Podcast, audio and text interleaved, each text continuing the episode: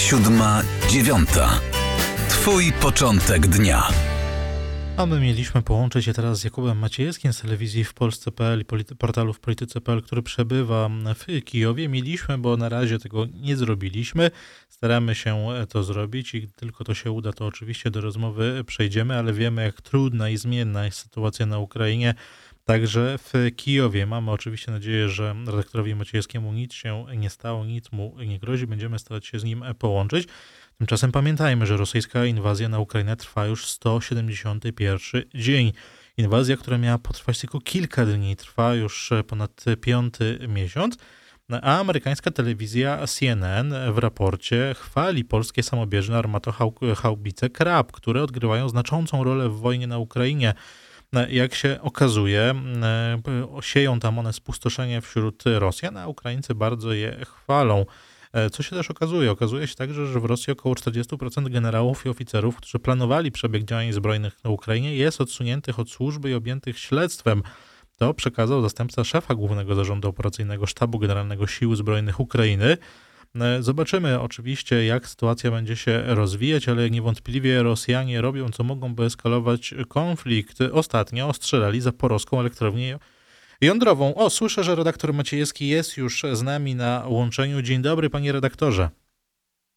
Dzień dobry, witam serdecznie, pozdrawiam z Kijowa. Cieszymy się bardzo, że pan do nas dołączył, że udało się nawiązać połączenie. Właśnie wprowadzałem słuchaczy w to, co dzieje się obecnie na Ukrainie, ale kto zrobi to lepiej niż pan, który od kilku miesięcy jest już na Ukrainie. Panie redaktorze, jakie nastroje obecnie mm, panują na Ukrainie, zwłaszcza, że mm, pan, panie redaktorze, no jeździ wzdłuż i wszerz, można powiedzieć, tego kraju.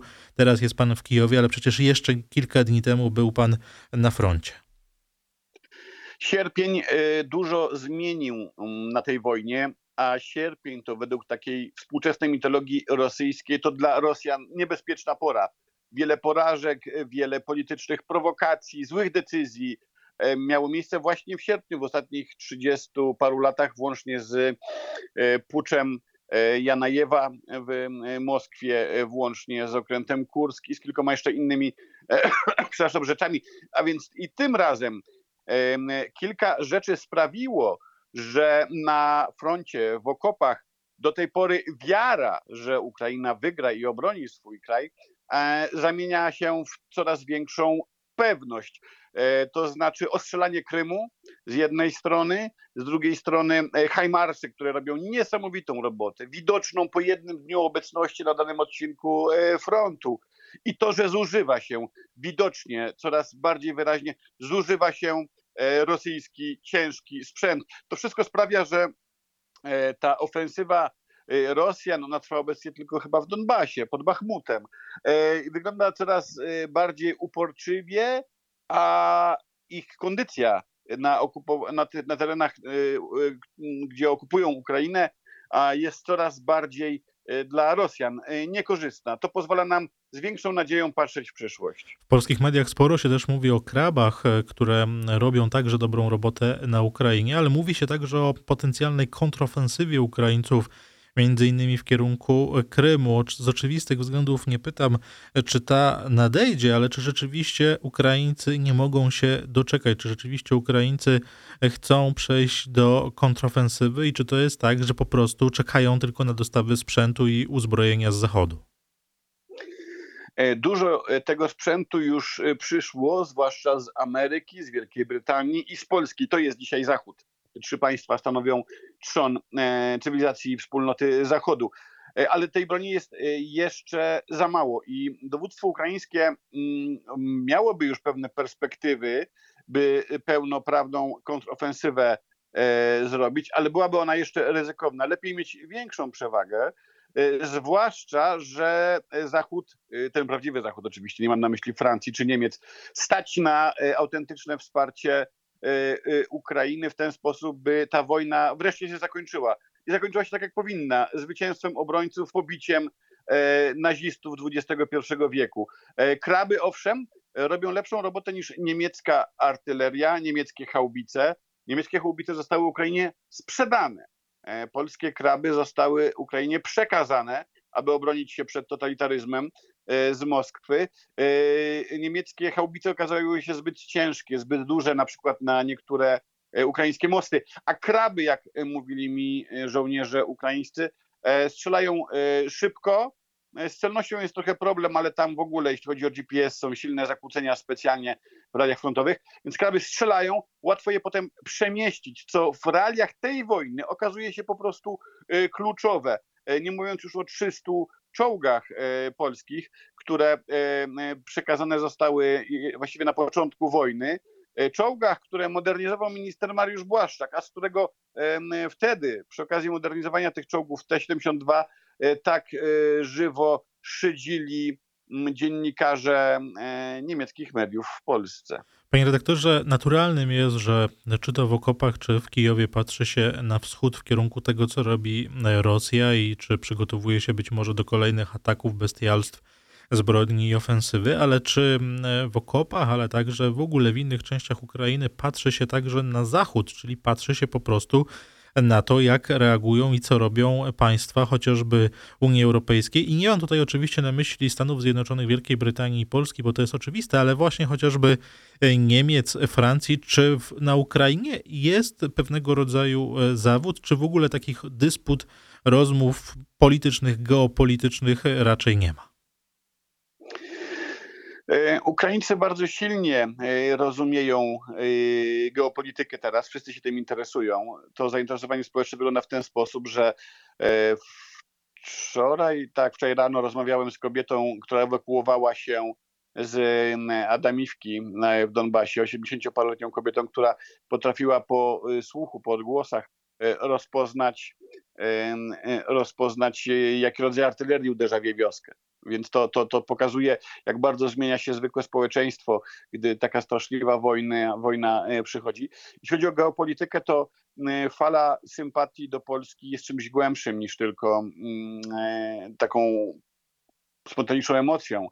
Jest zrozumieniem, że po prostu Ukraina ma w Europie braci. Ta, ta, takich słów się używa, że to jest więcej niż przyjaźń, to jest braterstwo. To jest braterstwo i naprawdę wręcz niezręcznie e, mi gdziekolwiek się pokazywać, czy to we frontowych realiach, czy, czy w mieście, w przypadkowym e, lokalu, barze, gdzie gdzie ktoś słyszy mój polski akcent, czy widzi mój polski paszport i natychmiast ja otrzymuję e, dla państwa właściwie, dla naszych słuchaczy, falę, falę podziękowań, wdzięczności, uznania, pokłonów, bo Y, Polska jest tutaj tym przyjacielem. Ta geopolityka jest rozumiana i ta geopolityka też pokazuje wielkie znaki zapytania wobec Niemiec, wobec Francji. E, wielki zawód. Europa okazu, okazu, okazuje się zawiodła po raz e, kolejny, a Ameryka, Wielka Brytania i Polska są w tej geopolitycznej osi e, ratunkiem dla, dla Ukrainy. I dzięki Bogu, że obecnie w Polsce mamy taką władzę, która ewidentnie jest antyrosyjska od początku, od zarania swojej, e, swojego istnienia i, i, i e, wsparła Ukrainę, bo inny rząd, gdyby tylko wymyślił pretekst, aby spowolnić tę pomoc, mógłby sprawić, że Ukrainy by dzisiaj już nie było.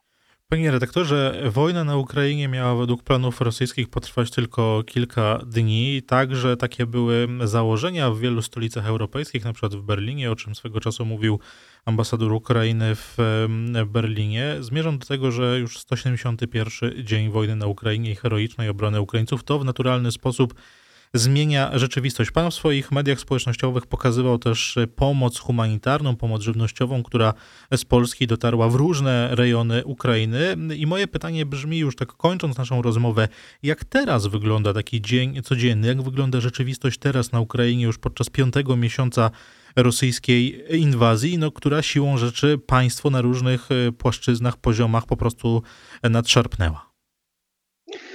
E, Ukraina stara się mm, funkcjonować e, na wojnie, ale nie żyjąc też wojną, to znaczy zachodnia Ukraina i centralna Ukraina starają się e, żyć taką codziennością nam znaną. Są otwarte restauracje, bary, sklepy.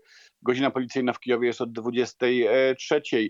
Metro zatrzymuje się, gdy są syreny alarmowe, alarm przeciwlotniczy. Wiele osób jeszcze nie sprowadziło swoich bliskich z powrotem na Ukrainę, bo boją się ataku Białorusi. E, boją się tego, że od północy znowu uderzy armia i wszystko się e, zmieni. A przecież nawet te e, rzadkie, bo rzadkie, ale jednak obecne ostrzały rakietowe miast Ukrainy na zachodzie i w centrum kraju, no sprawiają, że nie każdy chce tutaj swoje dziecko, swoją żonę, swoją mamę z powrotem e, zabrać, gdy istnieje małe bo mało, ale jednak ryzyko, że rakieta ich po prostu e, zabije. To są realia, drodzy Państwo, i czasami jak e, rozmawiam e, właśnie tutaj, jak w takiej audycji, Zastanawiam się czasem, y, skąd ja nadaję. Czy ja nadaję z Ukrainy 2022 roku, czy to jest jakichś lat 40., gdzie po prostu od wschodu 2000 kilometrów frontu i gigantyczne ilości artylerii zarzucają dziesiątki tysięcy pocisków na broniących się Ukraińców. To jest XXI wiek, czasy Netflixa i Starbucksa, a potrafią wracać do najokropniejszych e, kart historii Europy. Panie redaktorze, tu postawmy kropkę, ale mm, miejmy nadzieję, że nie będzie nam za szybko do rozmowy dane wrócić, ale tylko dlatego, że ta wojna po prostu się skończy. Bardzo dziękuję za to, że pan się z nami połączył, za to, że pan znalazł czas w Kijowie, gdzie przecież pewnie zadań nie brakuje. Moim i Państwa gościem, gościem poranka 7-9 był redaktor Jakub Maciejewski, prosto z Kijowa, dziennikarz telewizji w Polsce.pl, w Polityce.pl, tygodnika sieci. Panie redaktorze, bardzo dziękuję, wszystkiego dobrego życzę. Dziękuję, do widzenia. A Państwu dziękuję za pierwszą część poranka 7-9. Dziękuję słuchaczom Radia Palotti FM, Radia Nadzieja z Łomży, Radia Warszawa, Radio Gospel Pina. Dziękuję słuchaczom Radia Bobola z Londynu. E, dziękuję za to, że Państwo byliście z nami. Ja zapraszam Państwa na serwis informacyjny o godzinie 8, a po godzinie 8 naszym gościem będzie wiceminister spraw zagranicznych Paweł Jabłoński. Zostańcie Państwo z nami. Siódma, dziewiąta. Poranek rozgłośni katolickich.